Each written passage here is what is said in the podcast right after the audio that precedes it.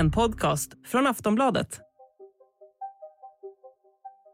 Rysslands president Vladimir Putin har ett nytt alarmerande besked till väst. Han ska placera taktiska kärnvapen i Belarus. Kiev is calling Belarus a nuclear hostage after a deal between Moscow and Minsk. Russian President Vladimir Putin says Moscow will place tactical nuclear weapons in Belarus. Det var i en tv-sänd intervju som Putin levererade nyheten. Ryssland ska bygga egna vapenförråd i Belarus som ska stå redo den 1 juli och där ska ryska kärnvapenstridsspetsar förvaras. Enligt Putin är beslutet ett svar på uppgifterna om att Storbritannien tänker leverera ammunition med utarmat uran till Ukraina. Om Putins planer blir verklighet är det första gången sedan 90-talet som Ryssland placerar kärnvapen utanför landets gränser. Det är inget konstigt med det här. USA har gjort det i årtionden. De har länge placerat sina taktiska kärnvapen i sina allierades territorier, sa Putin under intervjun. Ryssland har också upphört att dela information om sina kärnvapen med USA och dragit sig ur ländernas nedrustningsavtal. Hur ska man tolka Putins senaste utspel? Vad sänder de för signaler till väst? Hur reagerar omvärlden på planerna kring Belarus? Och tyder Putins besked på en eskalering av kriget? Det ska vi prata om i dagens Aftonbladet Daily. Jag heter Olivia Svensson. Gäst i avsnittet är Niklas Wendt, reporter på Aftonbladet. Hej Niklas! Hej! Putin har ju meddelat att Ryssland ska placera taktiska kärnvapen i Belarus och att man ska träna belarusiska piloter i hanteringen av de här vapnen. Vad vill Putin uppnå med det här draget? Ja, det kan man ju verkligen fråga sig. Det han har sagt redan tidigare är ju att Eh, de har byggt om belarusiska plan för att kunna bära kärnvapen och man har också placerat det här robotsystemet Iskander i Belarus som kan då avfyra robotar med kärnvapenstridsspetsar. Men nu har han lagt till då att man faktiskt ska placera ut själva Eh, kärnvapnen också i Belarus och de, de lagren ska vara klara i juni eh, enligt honom då, även om det är oklart när de här vapnen kan levereras. Det är ganska svårt att förstå varför man skulle vilja göra det överhuvudtaget, för vill man nå Ukraina eller något annat västland med kärnvapen så kan man redan göra det från Ryssland eller från exklaven då i Kaliningrad där det finns sådana vapen redan. Och det här är inga lätta grejer att hantera. Man måste bygga säkra bunkrar för att förvara dem i. Ett enormt säkerhetsarrangemang runt omkring. Så att, så att för mig framstår det nog mest som en del i en upptrappad kärnvapensignalering som vi har sett den senaste månaden eller så från den ryska regimen. Att man, man vill nog mest påminna om att vi har de här vapnen och passar passa er jävligt noga ungefär. Den här termen taktiska kärnvapen, vad menas med, med det? Vad är det för typ av vapen? Jämfört med de strategiska vapen som är de här jättestora interkontinentala missilerna som, som kan bomba städer på andra sidan jordklotet så är då taktiska kärnvapen lite mindre laddningar som ofta har kortare räckvidd. Men det är ingen sådär jätteskarp gräns eller definition runt det där utan det är, det är fortfarande väldigt, väldigt kraftiga vapen, mycket starkare oftast än, än Hiroshima-bomberna till exempel. och sådär. Enligt Putin så är han och eh, Belarus president Lukasjenko överens om det här med placeringen av kärnvapnen. Men, men vad innebär det för Belarus att eh, det här beskedet kommer nu? Lukasjenko har ju sagt att han vill ha de här kärnvapnen då, men man måste nog alltid förstå det som Lukasjenko säger som att han eh, går Putins ärenden eller säger det som Putin vill höra på något sätt. Det är nog samma sak som när Lukasjenko i fredags gjorde ett utspel om att han föreslår eldupphör och fredsförhandlingar i Ukraina så, så måste man nog se det som ett uttryck för, för Putins vilja. Eh, Lukasjenko är en ganska impopulär diktator i sitt eget land och han har liksom ingen annanstans att vända sig för sin, för sin personliga säkerhet. Så han får nog bara på något sätt i stor utsträckning och tilltagande utsträckning tugga i sig det som Putin vill. Hur har omvärlden reagerat på de här uppgifterna, på det här beskedet om placeringen? Om vi tänker på USA och Biden, vad har det kommit för reaktioner där? Joe Biden har ju sagt ungefär att det, att det är farligt att hålla på och prata på det här sättet om kärnvapen och att det är oroande. Samtidigt så signalerar USA då att man inte ser en ökad risk för att kärnvapnen faktiskt kommer användas i och med det här. Och, Eh, försvarsdepartementet säger att man inte har ändrat i sin strategiska planering. Um, Ukraina å sin sida kallade till ett krismöte i FNs säkerhetsråd på grund av det här. Men uh, men uh, Mikhail Podoljak som är rådgivare till president Zelensky har ju också sagt att ja, det här är väl en, en typ av skrämseltaktik från Putins sida.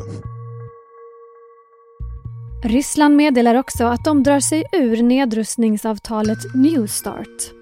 Vad det innebär pratar vi om efter pausen.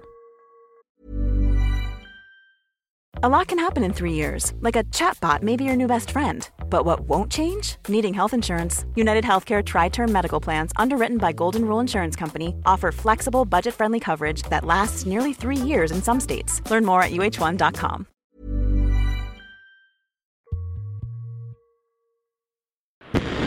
Tonight, a troubling standoff. Russia now refusing to give advance warning to the U.S. about its missile tests or provide data about its nuclear arsenal as required by the START nuclear arms agreement. A move that has now prompted the White House to do the same. Ja, vi har fått veta då att Ryssland slutar dela information om sina kärnvapen med USA och drar sig ur ländernas nedrustningsavtal och USA har svarat genom att meddela att ja, men då kommer inte vi heller att dela någon information. Vad betyder det egentligen? Ja, det här New Start då som är det här avtalet, det är ett nedrustningsavtal som USA och Ryssland skrev under 2010 som begränsar hur många kärnvapenstridsspetsar de får ha utplacerade, eh, insatsberedda vid varje given tidpunkt. Och det är då 1550 stridsspetsar var, så att det är ändå ganska många. Men eh, ja, det här avtalet innehåller också en, ganska många andra saker, till exempel att det ger rätt till återkommande inspektioner av den andras kärnvapenbaser och att man delar information med varandra löpande och berättar om man ska avfyra en robot och så vidare. Och det Ryssland har sagt är ju nu då att man ska sluta följa avtalet i de här delarna. Alltså det blir inga inspektioner, det blir ingen information. Däremot så ska man fortfarande hålla sig till den här begränsningen om, om 1550 stridsspetsar. Så man har inte sagt upp avtalet utan man har, man har slutat att medverka i liksom att, att fullfölja det så att säga. Det har ju också kommit varningar om nya ryska kärnvapenövningar, Niklas. Vad, vad vet man om dem? Ja, det är ganska stora övningar som Ryssland aviserade förra veckan med ett system som heter JARS som är en sån här interkontinental ballistisk robot som eh, man rullar runt på mobila avfyrningsramper. Och de här ska då ryssarna köra omkring och öva sig på att maskera och gömma och lite sånt där. Och det, ja, enligt uppgift då ska det vara 3000 man inblandade, så det är en ganska stor övning. Men, men ändå någonting som de här kärnvapenstyrkorna övar på ganska löpande, så det är inte enormt normbrytande på det sättet. Man får väl ändå tolka de här senaste beskeden som någon form av upptrappning från den ryska sidan. Varför just nu? Jag tror man kan se det som en, eller jag ser det åtminstone som en tilltagande desperation från rysk sida. Alltså man försöker skrämmas med sina kärnvapen för att få Ukraina att vika ner sig och, och väst att sluta stödja Ukraina. Men det funkar inte och eh, man blir liksom eh, allt mer rådvill om vad man ska ta sig till. Eh, Putin sa ju redan i sitt tal när han aviserade invasionen av Ukraina att alla som lägger sig i kommer möta konsekvenser som ni aldrig har sett.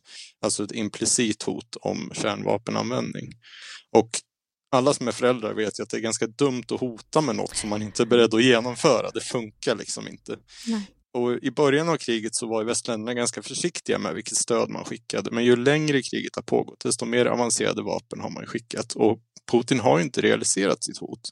Så hur ska han liksom på något sätt kunna trappa upp det, att göra det mer sannolikt att han menar allvar? Så det är det problemet som han har.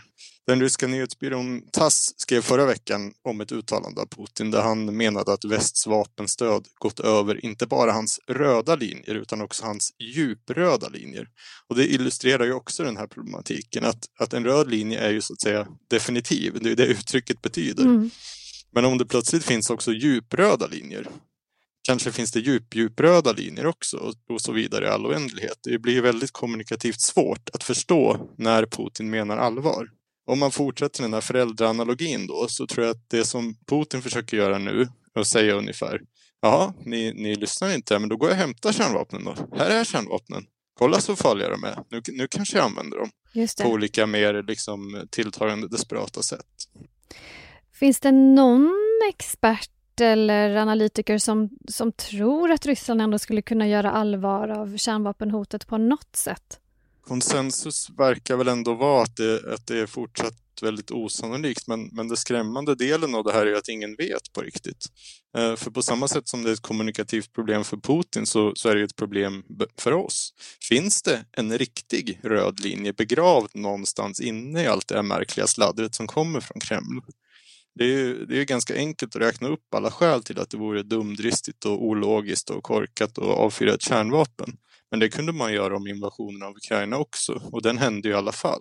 Så det är klart att det finns en risk att det här liksom vårdslösa hotandet gör det svårare för de, här, för de båda sidorna att förstå varandra och nöta ner det mentala motståndet så att kärnvapenanvändning går från något otänkbart till någonting tänkbart. Och eh, därifrån kan egentligen vad som helst hända.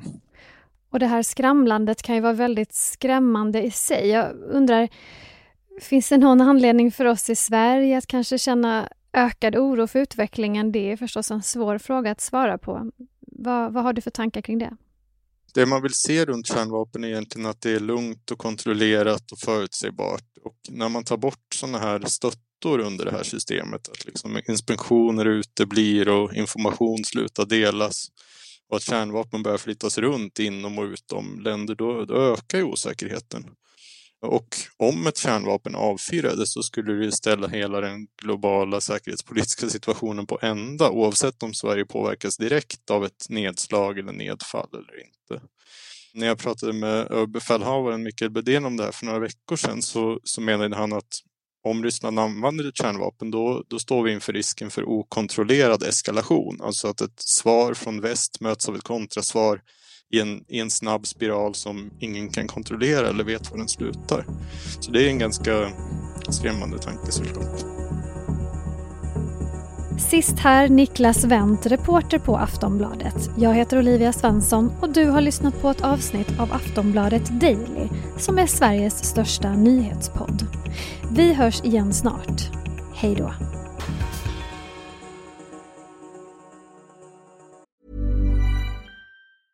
Normally, being a little extra might be a bit much, but not when it comes to healthcare. That's why United Healthcare's Health Protector Guard fixed indemnity insurance plans, underwritten by Golden Rule Insurance Company, supplement your primary plan so you manage out of pocket costs. Learn more at uh1.com.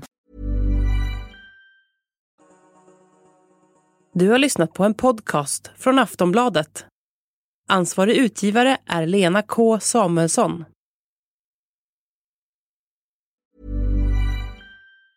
Tired of ads barging into your favorite news podcasts? Good news. Ad-free listening is available on Amazon Music. For all the music plus top podcasts included with your Prime membership. Stay up to date on everything newsworthy by downloading the Amazon Music app for free or go to amazon.com slash news ad free. That's amazon.com slash news ad free to catch up on the latest episodes without the ads.